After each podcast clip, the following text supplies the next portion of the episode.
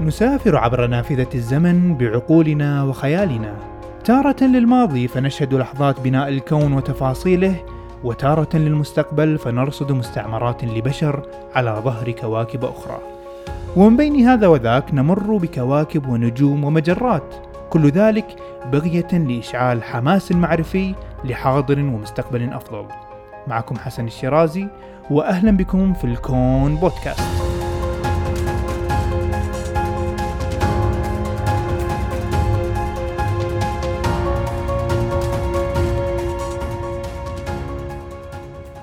أهلا بكم في هذا الموسم الجديد من الكون بودكاست واللي راح نستكشف فيه معا بإذن الله هذا الكون من زوايا وأبعاد ومواضيع مختلفة. منها ما يدور حول الكواكب والفضاء الخارجي، ومنها ما يدور حول الأرض وعلومها، ومنها بحوث علمية وتاريخية حول المخلوقات الخارجية والكثير الكثير. أما حلقة اليوم فستكون عن طبيعة العلم والمعرفة، واللي راح نبدي فيها الحلقة سريعا بسؤال مهم جدا. كيف يمكن أن نتعرف على الحقائق في هذا الكون؟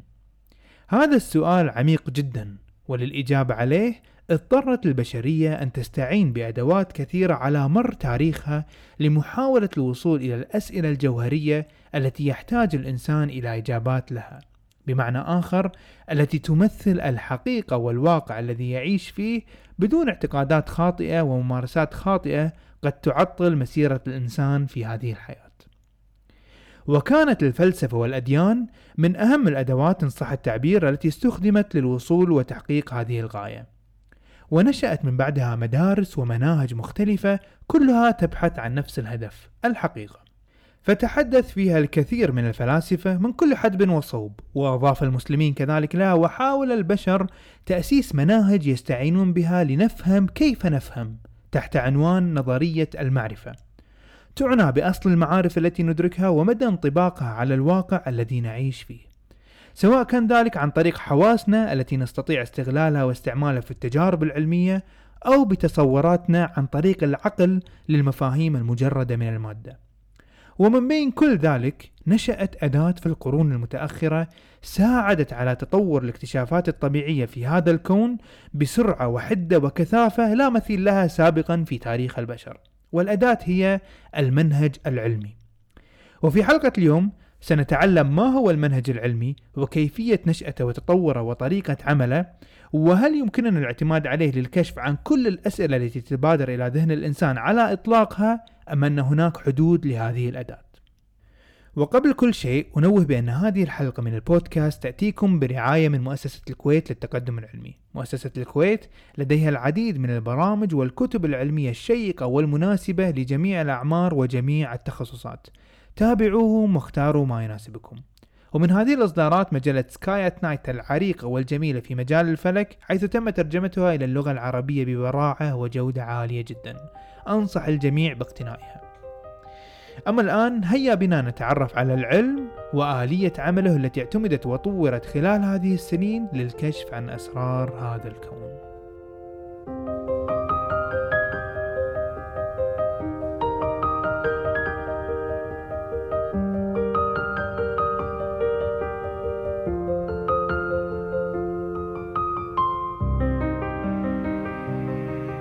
منذ خلق الإنسان وإلى أن أصبح واعيا بما يحيط حوله من طبيعة وإلى أن استقرت أموره المعيشية وتطور المجتمعات البشرية وإلى يومنا هذا تجد أن هناك أسئلة جوهرية يحاول الإنسان جاهدا الوصول إليها.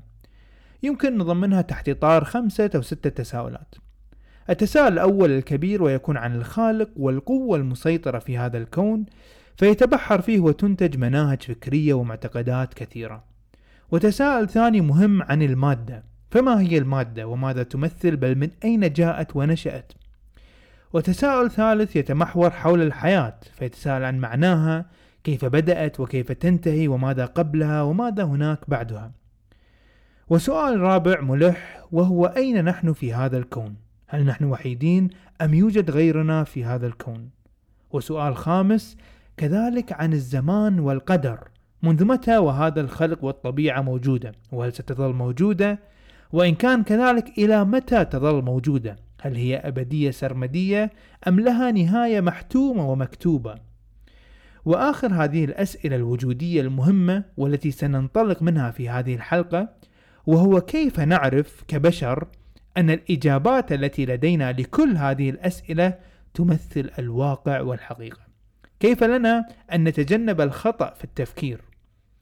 هذه الأسئلة يحاول الإنسان جاهدا الوصول لإجابات لها تارة للاستفادة منها في حياته المادية وتحسينها وتطويرها من خلال تطويع الطبيعة لهذا الهدف. وتارة أخرى لحاجة في نفسه لاستيعاب وتكوين وعي حول نفسه والوجود الذي يعيش فيه.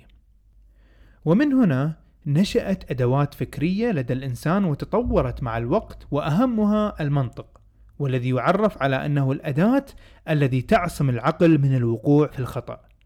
الذي يعتبر هو أساس لكل المدارس الفكرية والعلوم التجريبية أي المنهج العلمي الذي سنصل إليه لاحقا. فقدرة الإنسان على التفكير المنطقي قديمة جدا قبل الإنسان الحديث وربما ترجع إلى بداية الإنسان في أفريقيا. ولكن أول أفكار منطقية مدونة في سجلات التاريخ ترجع أصولها إلى اليونانيين. الذين كما يبدو تطورت عندهم المحادثات والمناظرات حول الحقائق الكونية وبالتالي تطور الفكر عندهم. بداية من فلاسفة ما قبل زمن سقراط ووصولا إلى أفلاطون ومن بعده أرسطو الذي بنى أساس المنطق الاستنباطي أو المنطق الاستنتاجي والذي يسمى أحيانا بالمنطق الأرسطي. وهو قوي جدا لتنظيم عملية الفكر للوصول إلى الحقائق. فالمنطق الاستنتاجي قائم على أن نضع مقدمة أولى ونقول مثلا الأرض أكبر من القمر وبعد ذلك نضع مقدمة ثانية نقول الشمس أكبر من الأرض. فنصل إلى نتيجة أن الشمس إذا أكبر من القمر من دون عملية مقاربة بين الشمس والقمر. وبذلك نرى قوة هذا النوع من التفكير في الوصول إلى النتائج. ولكن في بعض المرات هذا المنطق لا يأتي بنتائج حقيقية وتكون فيه أخطاء. مثلا نقول كل الفيلة لديها أربعة أرجل وبما أن القطة لديها أربعة أرجل إذا القطة هي فيل. فنرى أنه لا يصلح تطبيقه بمجرد دمج جمل أو مقدمات في كل مرة. فلذلك لا يمكن الاعتماد عليه دائما للوصول إلى الحقائق خصوصا عند الدخول في مقدمات ونتائج أعقد من هذه الجمل البسيطة. ولذلك نحتاج إلى نوع ثاني من المنطق يسمى بالمنطق الاستقرائي وهو بشكل مختصر تعميم نظرية معينة بناء على مجموعة من العينات التي تم ملاحظتها. مثال على ذلك في كل مرة تقوم بقياس طول قطعة الحديد بعد تسخينها تكون النتيجة تمدد قطعة الحديد وبالتالي ازدياد طولها. فتقوم بتعميم النتيجة وتقول بأن كل الحديد عندما يتعرض للحرارة فإنه سيتمدد. فنرى قوة المنطق الاستقرائي بأن جعلك تصل إلى نتيجة تمدد الحديد بالحرارة دون الحاجة لاختبار كل الحديد في هذا العالم وعمل التجربة عليه. وهنا تكمن أحد أهم عناصر قوة هذا المنطق. ولكن كحال المنطق الأرسطي فهناك مشاكل كذلك في المنطق الاستقرائي ولا يمكن أخذ نتائجه على محمل القطع الجازم. وفي المثال التالي سأبين أحد عيوب هذا المنطق. إذا قلنا بأن كل المهندسين التسعة وتسعين الذين قابلتهم بحياتك أشخاص ودودين ولطيفين. فحسب المنطق الاستقرائي أن المهندس رقم 100 القادم الذي ستقابله سيكون ودود ولطيف بناء على تجربتك. طبعا ما يحتاج تحليل بأن النتيجة طبعا من هذا المنطق غير مضمونة فمن الممكن أن يكون المهندس رقم 100 شخص فظ غير محترم. ولكن هذه الطريقة أو المنطق مهمة جدا في العلوم وفي المنهج العلمي. فإذا كان عندك ملاحظات معينة متكررة على ظاهرة ما تستطيع تكوين نتيجة. ومن أوائل وأشهر من استخدم المنطق الاستقرائي في العلوم هو إسحاق نيوتن في نظرية الجاذبية التي صاغها في القرن السابع عشر. فقد لاحظ مجموعة من الظواهر مثل المشهور عنه سقوط التفاحة على رأسه وإن كان فعلا لم تسقط على رأسه ولكن لاحظ حركة الأجسام ونمطها المتكرر. درسها وصاغ معادلات رياضية لها وعمم النتائج فعمم النتيجة بأنها قابلة لتفسير حركة الأجرام السماوية وكذلك حركة النجوم في درب التبانة وكانت نتائجه صائبة ومطابقة للواقع بشكل لا يصدق بل إنه توقع ظهور المذنب هالي وهو لم يره فقط استقرأ أي تنبأ النتائج بناء على المعطيات التي كانت لديه. فمن كل ذلك نستنتج أن المنطق بكل أنواعه أداة لا غنى عنها في تطور كل شيء مادي وفكري يحيط بالإنسان. ومع الوقت وتشعب المدارس الفكرية وسعي الإنسان للوصول إلى الحقائق والتحقق من مطابقتها للواقع نشأت عندنا نظرية المعرفة أو ما يسمى epistemology. وأنصح جميع المستمعين والمهتمين بالفكر والقضايا الفكرية أن يتقفون في هذه النظرية لأهميتها البالغة. ومن أهم المناهج التي نشأت وحاولت الوصول إلى المعرفة المنهج العقلي الذي ارتكزت واعتمدت عليه الفلسفة في العالم الإسلامي وبالمقابل هناك المنهج التجريبي والذي نطلق عليه اليوم بالمنهج العلمي. وبما أن وصلنا عند هذه المسميات من المفيد أن نعرف عنهم ونعطي عنهم أمثلة بسيطة لكي يتوضح المعنى. يمكن شوي حلقتنا اليوم وكلامنا تجريدي ناشف بدون كواكب ومجرات كما تعودنا. ولكن أرى من المهم للمستمع العربي المهتم بالعلوم التجريبية أنه يعرف ويطلع على هذه المدارس الفكرية. فالمنهج العقلي يقسم المعارف إلى نوعين. نوع أول وهي المعلومات البديهية التي لا تحتاج إلى دليل لكي نثبتها. مثلا الكل أكبر من الجزء أو مثلا استحالة التقاء النقيضين. فهي معلومات بحالها صحيحة بدون أي دليل يمكن أن نقدمه لك لأثبت صحتها. أما النوع الثاني من المعلومات تسمى بمعلومات نظرية أي نحتاج إلى أدلة لكي نثبتها مثل موضوع كروية الأرض. فهي معلومة ليست بديهية يمكن للإنسان أن يدركها بالتفكير بل على الإنسان أن يبحث بين الأدلة لكي يثبتها. هذا بالنسبة للمنهج العقلي. تقسيم للمعلومات بين معلومات بديهية ومعلومات نظرية تحتاج للبحث فيها. فنرى هنا بأن أصل المعرفة في هذا المنهج هو العقل. أما المنهج التجريبي في المقابل وعلى عكس المنهج العقلي فهو المذهب الذي يعتمد بأن التجربة هي المصدر الأول لجميع معارف البشرية وأن الإنسان بدون التجربة لا يمكن أن يتعرف على الحقائق في هذا الكون. وكل منهج له أدلته المنطقية وإشكالاته على المنهج الآخر لمقدرته أكثر على الوصول إلى الحقائق الكونية ولسنا هنا في مقام التفصيل.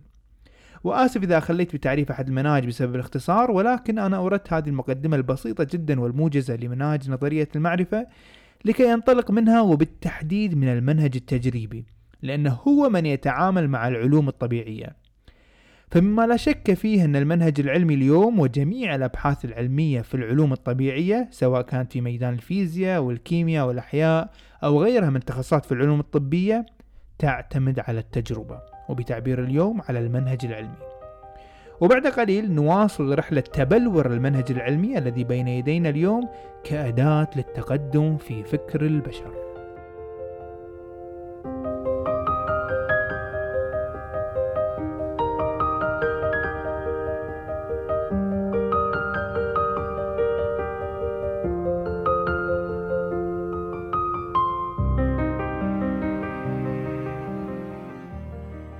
عرفنا قبل قليل بأن تكوين المعرفة غير مقتصر على المنهج العلمي، فالإنسان جمع وكون أنواع المعارف بدون حتى وجود لمسمى المنهج العلمي، ولكن المنهج العلمي عندما تبلور أحدث ما يشبه الثورة في الاكتشافات، والتي بدورها أثرت على تسارع التكنولوجيا وتحسين جودة حياة الإنسان على الأقل في الجانب الإيجابي من التكنولوجيا. ولادة هذا المنهج الفعلية صعب قياسها ولكن يمكن إرجاعها إلى ثلاث أشخاص عملوا العلامة الفارقة لبلورة هذا المنهج. أولهم غاليليو غاليلي ومن بعده فرانسيس بيكون وأخيرا الفيلسوف ريني ديكارت. وسنتعرف الآن على إسهام كل واحد من هؤلاء باختصار. غاليليو المشهور باختراعه للتلسكوب كان من الأشخاص الذين حكمت عليهم الكنيسة آنذاك بالحجر المنزلي حتى مات بسبب أفكاره التي كان يتبناها حول بنية الكون وموقع الأرض وبالتأكيد موافقته على نظرية كوبرنيكوس حول مركزية الشمس. وعلى الرغم من الحجر ومضايقات الكنيسة في عام 1632 نشر كتاب أو كتيب صغير أسماه أيسر الذي يذكر فيه أهمية أن يكون العلماء أحرار في أداء أعمالهم وتجاربهم حتى يخرجوا بأفضل النتائج التي تمثل الواقع. ولكن الكنيسة عارضته بالفكرة لأن من الممكن أن تكون النتائج معاكسة للتفسيرات في الكتاب المقدس وتعتبر بالتالي هرطقة وكفر. فأخذ غاليليو يحاججهم أن بناء على التجربة ثبت بأن الأرض تدور حول نفسها وبأن بالتجربة والمشاهدات كوكب الزهرة وأطوارها التي ترصد من الأرض لا تتماشى مع نظام مركزية الأرض. كل ذلك أدى به إلى الحجر المنزلي طوال حياته. وفي أثناء الحجر أيضا كتب كتاب مهم جدا لتطور المنهج العلمي. شرح فيه آلية سقوط الأجسام والمهم في هذا الكتاب أن غاليليو شرح فيها الآلية والطريقة التجريبية التي أوصلته لما وصل إليه من ملاحظة سقوط الأجسام وتسجيل الملاحظات والحسابات والمهم أنه دعا الآخرين لاختبار نتائجه وتأكيدها. لأنه كان يعتقد أنها الطريقة المثلى للتأكد من صحة النتائج أي تجريبها من أشخاص آخرين. وهو روح المنهج العلمي اليوم ومصداقيته التي يعتمد عليها. فهذا الدور الذي لعبه غاليليو. ومن بعده بسنوات قليلة ظهر الشخص الثاني المؤثر في بلورة المنهج العلمي وهو فرانسيس بيكون. الذي اقترح فكرة تطوير آلية جديدة للتعامل مع العلم. وهذه الآلية تكون تجريبية أي بعيدا عن الكلام الإنشائي والتصورات العقلية وأن تكون معتمدة على المعدات للقياس وأخيرا أن تكون الآلية مدعومة من الدولة. فهو بذلك أراد عمل ثورة للتقدم في العلم عن طريق التجارب وإبعاد المنطق الأرسطي وكلام السابقين المنقول لهم من فلاسفة اليونان من الساحة. وذلك لكل من أراد الدخول في الميدان العلمي والتجريبي والتعامل مع الفيزياء والكيمياء والأحياء. والغاية من هذه التجارب تكون إنتاج أشياء تصب في مصلحة واستخدامات الإنسان. بعد ذلك قام بيكون بتأليف كتاب اسمه أتلانتس الجديدة وفيه شرح كيف يمكن للدولة تأسيس مدرسة مثالية توفر الأجواء والدعم التي يحتاجها العلماء للنهوض بالعلم. وفي هذه المدرسة تجتمع ألمع العقول البشرية وأسماء بيت سالمونز حيث قسم العلماء إلى ثلاثة مجموعات. مجموعة تسافر وتجوب الأرض لجمع المعلومات ومجموعة تقرأ الكتب وتستوحي منها العلوم ومجموعة أخيرة تقوم بالتجارب بناء على المعلومات التي جمعت من قبل المجموعتين السابقتين. وذلك لتوليد معارف أكيدة وصحيحة للبشر. طبعا هذا تصور بيكون المثالي في كتابه والذي لم يتحقق بالضرورة أو على الأقل بالشكل الذي تصوره ولكن أعطى دفعة وتشكيل أكبر للمنهج العلمي وللشكل الذي هو عليه اليوم. وأخيرا نصل إلى المؤثر الأخير في تشكيل المنهج العلمي وهو الفيلسوف والرياضي رينيه ديكارت. صاحب المقولة الشهيرة أنا أفكر إذا أنا موجود. وكون ديكارت فيلسوف فالبعد الذي أضافه يعتبر من الأبعاد المهمة المرتبطة أيضا بنظرية المعرفة. فقد قام ديكارت بالشك في كل المخزون المعرفي الذي كونه هو طوال حياته لأنه لم يجد دليل يمكن أن يستند أو يرتكز عليه يستطيع من خلاله معرفة مطابقة هذه المعارف للواقع. فقام بالشك بكل شيء حتى أسس ما يعرف بمنهج الشك الديكارتي. وفي أبسط صوره هذا المنهج يقول لا تقبل أي شيء حقيقي إذا كان هناك أدنى إمكانية بأنه ليس كذلك. مثال على ذلك. إذا كان لديك كيس فيه برتقال جيد وبرتقال متعفن ولكنك لا تعلم بذلك من أيهم الجيد أو المتعفن لأنهم بحكم أنهم داخل الكيس. فكيف يمكنك الإبقاء على البرتقال الجيد؟ أحد الطرق أن تخرج كل البرتقال من الكيس تستبعد كل المتعفن وتنتقي الجيد وترجعه بداخل الكيس. وبذلك أنت ضمنت حقا أنه لا يوجد بالكيس سوى البرتقال الجيد. مثل هذه المقاربة يطبقها على الأفكار والمفاهيم والمعتقدات التي تدخل العقل. فعليك إخراجها وفحصها جيدا وتختار ماذا تقبل أو ترفض. وهذه الفكرة الثورية بعالم الفكر كانت من الأركان الرئيسية لتشكل المنهج العلمي وهي الشك في كل نتيجة تصل إليها وإقامة الدليل عليها.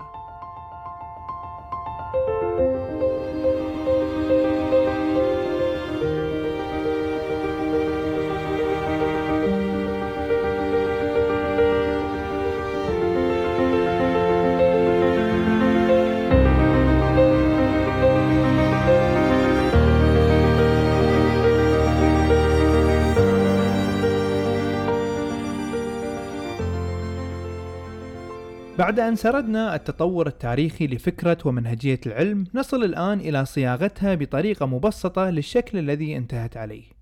فالمنهج العلمي اليوم يعمل كالتالي. يأتي شخص لاحظ ظاهرة طبيعية أو مجموعة من الظواهر بنمط متكرر فيقوم هذا الشخص بتكوين فرضية ويجب أن ننتبه على المسميات. فحتى الآن لا يوجد نظرية فقط فرضية. وهي فكرة لهذا الشخص يعتقد أنها تفسر الظاهرة التي رصدها. ولمعرفة صحة هذه الفكرة يقوم الشخص بعمل بعض الاختبارات التجريبية للوقوف على صحة تجربته. وبناء على نتائج التجربة يقوم الشخص برفض الفكرة أو تأييدها والأخذ بصحة فكرته. بعد ذلك ننتقل إلى مرحلة مفصلية ومهمة في المنهج العلمي.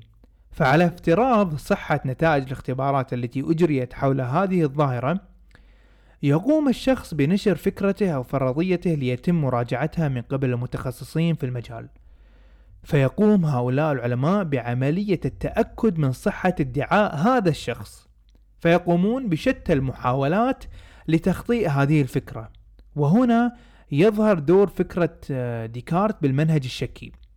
فإن استطاعوا تبيان خطأ هذه الفرضية سواء من قبل قدرتها على تفسير الظاهرة أو من خلال أخطاء رياضية اعتمدت عليها أو أي مقدمات أو إثبات خاطئ قد تم تقديمه في هذه الفرضية يتم رفض الفكرة والبحث عن فكرة أخرى لتفسير الظاهرة. وإن كان بالعكس تم اختبار وإخضاع هذه الفكرة لكثير من التجارب والتدقيق من قبل علماء آخرين وأثبتت صلابتها الفكرة وقدرتها على تفسير الظاهرة والتنبؤ كذلك فعندها ترتقي الفكرة لتشكل ما نسميه بالنظرية. فنرى أنه ليس بإمكان أي شخص أن يدعي وصوله للنظرية بدون إخضاعه لما سبق وشرحته وهو المنهج العلمي. فربما جل ما يكون لديك فكرة أو فرضية ولكنها بالتأكيد ليست نظرية بالمعنى العلمي. إذا لم تمر بالخطوات والفلاتر السابقة. وفي الحقيقة بعض العتب يقع على عاتق اللغة العربية واستخدامنا لها في تفسير معنى كلمة النظرية. فنحن في اللغة العربية عندما نترجم كلمة theory فنترجمها إلى كلمة نظرية. فنجد أن هذه الكلمة قد تستخدم في تفسير أقل قوة ومتانة من معناها بالإنجليزي. ربما حتى تكون مرادفة لكلمة فرضية في اللغة العربية وهو ما قد يسبب إشكال للبعض عند المناقشات. فتقول له أن النظرية النسبية تقول بأن الزمن نسبي فإذا كان غير ملم بالنظرية أو رافض لنتائجها لأي سبب كان فيرد عليك بأنها نظرية وليست حقيقة لأنه لا يستوعب الفرق وحجم المجهود الذي أوصلها لهذه المكانة الفكرية. وهي في الواقع أقرب شيء لتفسير الحقيقة في العالم الطبيعي الذي نعيش فيه. ولكن قبل قليل كنت أقول بأن الذين بنوا وصاغوا المنهج العلمي بشكله الحالي عاشوا في القرن السابع عشر. فمتى وكيف تم اختبار نتائج العلماء وتحكيمها في ظل انعدام وسائل التواصل التي نشهدها في عالمنا اليوم؟ في الحقيقة عندما نرجع في تاريخ العلوم ونرصد تطوراته نلاحظ وجود لحظات فارقة أدت إلى تطوره بهذا الشكل. ومن هذه اللحظات تشكيل أول تجمع علمي للعلماء وكان ذلك في القرن السابع عشر على عهد إسحاق نيوتن. وسمي هذا التجمع بالمجتمع الملكي Royal Society ولكن ما هو المهم في هذا التجمع؟ العلامة الفارقة في هذا التجمع كانت إمكانية تبادل آخر التطورات العلمية التي يعمل عليها العلماء بين بعضهم البعض. فقبل ذلك كان كل واحد يعمل بمعزل عن الآخر ولا يعلم أين وصل الآخرون أو ما هي حتى المواضيع التي يعملون عليها حتى يتشاركون النتائج. فأصبحت مع هذا التجمع نتائج التجارب قابلة للبحث والتدقيق من قبل علماء آخرين ليحكموها ويضيفون أو يعلقون عليها أو حتى لرفضها وتبيان العيوب فيها. ومن ذلك الوقت تطورت مثل هذه المجتمعات العلمية وأصبح لها وزن في كل منطقة سواء في أمريكا مثل الأكاديمية الوطنية للعلوم أو مثيلاتها في أوروبا والعالم. وأصبحت هذه الشبكات من المراكز البحثية التي لها ثقل في تكوين ومراجعة نظريات وبعد ذلك يتم نشرها. كآخر نظريات وصل إليها العلم ليعلم بعدها عنها الاقتصاديون والسياسيون وصناع القرار وبالتأكيد المدرسين في الجامعات وفي كل مكان ليتم توصيله إلى الناس. وبالتالي نرى أن العلم التجريبي حاليا شبكة معقدة مترابطة مع بعضها البعض من الصعب جدا التلاعب بنتائجه لأنه بعد فترة سيتم اكتشاف الزيف والخطأ في النتائج ليتم استبعاده واستبداله بنظرية أخرى سليمة وهذا يعطي ثقل ووزن للنتائج التي مرت بشبكة مراجعات ضخمة قبل أن تعتمد. والمفترض الآن أن تكون النظرية التي مرت بكل هذه المراجعات التي ذكرناها أنها تفسر أكبر حجم من الملاحظات. لنأخذ مثال شهير على ذلك. نظرية الحركة والجاذبية لنيوتن والنظرية النسبية لأينشتاين. فنظرية نيوتن كانت ولا زالت كافية لتفسير كل أنواع الحركة تقريبا في كوكب الأرض من حركة الأجسام في الطائرات والسيارات أو المقذوفات وغيرها ولكن كانت تعجز عن التنبؤ بحركة الأجرام التي تسير بالقرب من مجالات جاذبية كبيرة جدا. وكان ذلك جليا عندما أراد أن يتنبأ نيوتن بحركة كوكب عطارد الذي كشف له بعض الخلل في معادلته. فجاء أينشتاين بنظريته النسبية واستطاع أن يتنبأ بهذه الحركة أي حركة كوكب عطارد وغيرها من الأجرام التي تخضع لمجال جاذبي كبير. وبذلك تكون معادلة أينشتاين فسرت ملاحظات أو ظواهر أكبر من نظرية نيوتن وبالتالي تكون أعم منها. وهي التي سوف تسود الأوساط العلمية. ونلاحظ هنا أن هناك خطأ شائع متداول عند بعض الناس بقولهم جاءت نسبية أينشتاين ونسفت علوم ومعادلات نيوتن بينما الصحيح أن النسبية شملت وعمت ظواهر أكثر من معادلات الحركة لنيوتن. وبعد قليل سنتعرف على طبيعة النظرية العلمية هل هي حيادية أم أن هناك بعض الانحيازات يمكن أن تتخللها؟ وسنتطرق للحدود التي ستتوقف عندها النظرية العلمية.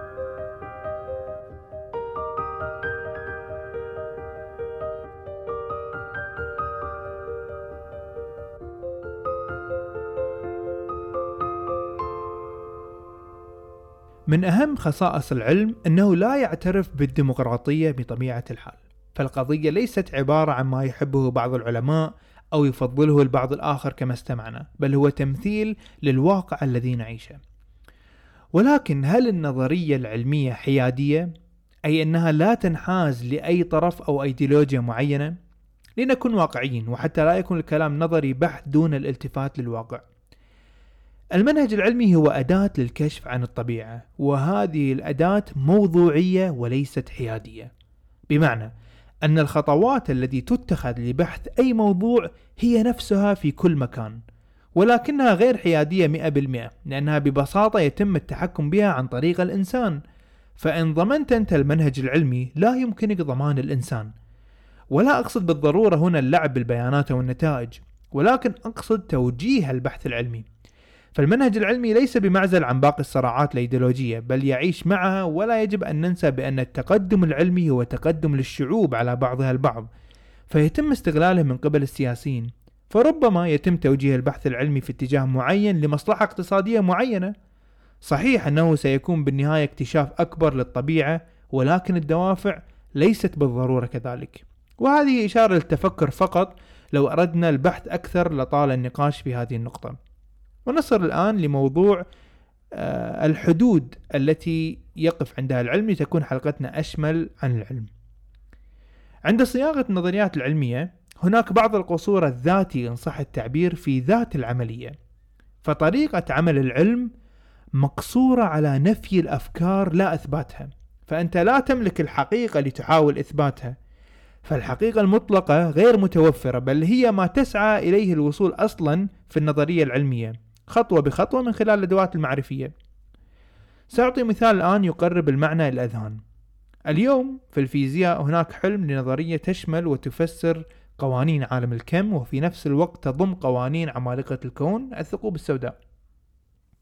هذه النظرية تسمى بنظرية كل شيء Theory of Everything لأنها تستطيع تفسير والتنبؤ بحركة جميع الأشياء التي عرفناها من صغيرها في العالم الكمومي إلى أكبر الأجرام الكونية. ولكن ما الذي يضمن لك أن هذه النظرية هي فعلا نظرية كل شيء وهي مطابقة للواقع؟ فربما هناك أشياء في هذا الكون لم نلاحظها ونشهدها حتى الآن. ربما تكون هناك موجودات أكبر من المجرات أو جزيئات أصغر من الكواركات لا تستطيع النظرية التي أسميناها بين قوسين كل شيء من تفسير خصائصهم وبالتالي لم تعد نظرية كل شيء. فحل نظرية جامعة في طياتها لكل شيء في الكون من الممكن أن يكون مستحيلا. وأدلل على كلامي بالنقل من فيلسوف العلم الكبير كارل بوبر حيث يقول لا نستطيع إثبات النظرية العلمية بأنها مطابقة للحقيقة المطلقة إنما هي أقرب شيء نعرفه عن الحقيقة المطلقة. هذا قصور ذاتي كما أسميته في طبيعة الأداة العلمية الطبيعية. ومن جانب آخر إذا أردنا وصف الحدود في المنهج العلمي فهو مقتصر على الحدود الطبيعية. بمعنى أنه لا يمكن أن تثبت الغيبيات أو ما يسمى وراء الطبيعة أو الميتافيزيقيا بالمنهج العلمي. فهي كلها أشياء خارجة عن نطاق الدراسة في المنهج العلمي الذي من أساسه قائم على التجربة. فلا يمكنك إثبات أو إنكار وجود الله عز وجل بالأدوات العلمية. ولا يمكنك فعل ذلك للمعتقدات الموجودة في الأديان مثل الملائكة والشياطين أو وجود الجنة والنار أو حتى عالم آخر بعد هذا العالم. فهي كلها من جنس غير جنس الطبيعة المختص به العلم. فلذلك تبقى هذه المسائل خارج دائرة العلم تماما وهو ليس فقط غير معني بها إنما لا تسعفه أدواته على الكشف عن مثل هذه المفاهيم. وحتى في مسائل العلم نفسها ووسط الأبحاث العلمية نفسها هناك جدل قائم على إمكانية المنهج العلمي بالتقدم في بعض المجالات. فمثلا نظرية الأوتار وهي نظرية تعتمد على افتراض وجود عشرة أبعاد في هذا الكون لكي تكون نتائجها صحيحة. ولكن نحن نعلم بأن كل ما لدينا الآن أربعة أبعاد الثلاثة المكانية والبعد الزماني الرابع. فتبقى هذه النظرية غير قابلة للاختبار أو التجربة وهي من أساسيات المنهج العلمي والتجريبي كما أسلفت فنتائجها غير قابلة للقياس. فإلى متى ستظل قيد البحث الرياضي بين العلماء وإلى متى سنظل نسميها نظرية؟ فهذا محل نقاش لدى الفيزيائيين. أو مثلا الأكوان المتعددة. مشكلتها مماثلة فهي غير قابلة للقياس لأنها غير قابلة للرصد. فهي مكون آخر غير مكوننا ولذلك لا يمكن التأكد من وجودها أو عدمها فتبقى في إطار الفرضية. أو مسألة ما قبل بداية الخلق والانفجار العظيم كلها تواجه نفس الاستشكالات العميقة لإثباتها من خلال المنهج العلمي. ولكن يبقى هذا المنهج هو من أبدع ما صنع البشر لكشف أسرار الكون وتطويع الطبيعة لخدمة حياتهم ومصالحهم على سطح الأرض. وبما أننا الآن عرفنا ما هو العلم وطريقته وحدوده من المهم جدا أن نعرف ما لا ينتمي إلى العلم. فبالنهاية نتائج العلم هي ما ستبني للإنسان وتفيده ولذلك من الضروري التفريق بما هو علمي وليس ما هو علمي مثل ما لدينا اليوم ويعرف بالعلوم الزائفة pseudo science وهي أفكار تأخذ صبغة علمية من حيث المصطلحات في بعض الأحيان وتكون في مختلف مجالات الحياة. مشكلة هذا النوع من الأفكار وأكرر أفكار وليست علوم أنها غير محكمة وتكون معتمدة تماما على التجربة الشخصية. فربما هي فعلا ابتدأت بطريقة المنهج العلمي من رصد ظاهرة ومن ثم سؤال وباقي خطوات المنهج العلمي التي ذكرتها قبل قليل. ولكن المشكلة الرئيسية والأبدية لهذا النوع من الأفكار أنه لا يتم تحكيم النتائج التي تتوقعها الفرضية. فلذلك ترى نتائج مختلفة لوصف نفس الظاهرة. أو مثلا النظريات التي تتكلم عن وصول مخلوقات خارجية لكوكب الأرض. فهذا النوع من النظريات يحتاج إلى دليل علمي حتى يتم تصديقه. ولكن جل ما لدى أصحاب هذه النظريات هو الكلام وبعد ذلك مقاطع اليوتيوب والصور التي من السهل فبركتها بأي نوع من برامج التعديل. وهذه كلها ليست دلائل علمية يعتد فيها. وحتى بعيدا عن العلم لو فكر المعتقدين بهذه النظريات منطقيا لوهلة لرأوا من السخف أن تقطع كل هذه المخلوقات هذه المسافات الشاسعة الكونية لتعمل مجموعة دوائر في حقل زراعي أو لتخطف إنسان وترجعه مرة أخرى إلى أهله ويخبرنا بتلك القصص. بشكل عام أعتقد غطيت أهم الجوانب حول المنهج العلمي وكيفية عمل العلم ربما بعض النقاط تحتاج إلى تفصيل أكثر وتحتمل أكثر من رأي ومناقشة وكلها مرحب بها وأحب أن أستمع إلى آرائكم وتواصلكم.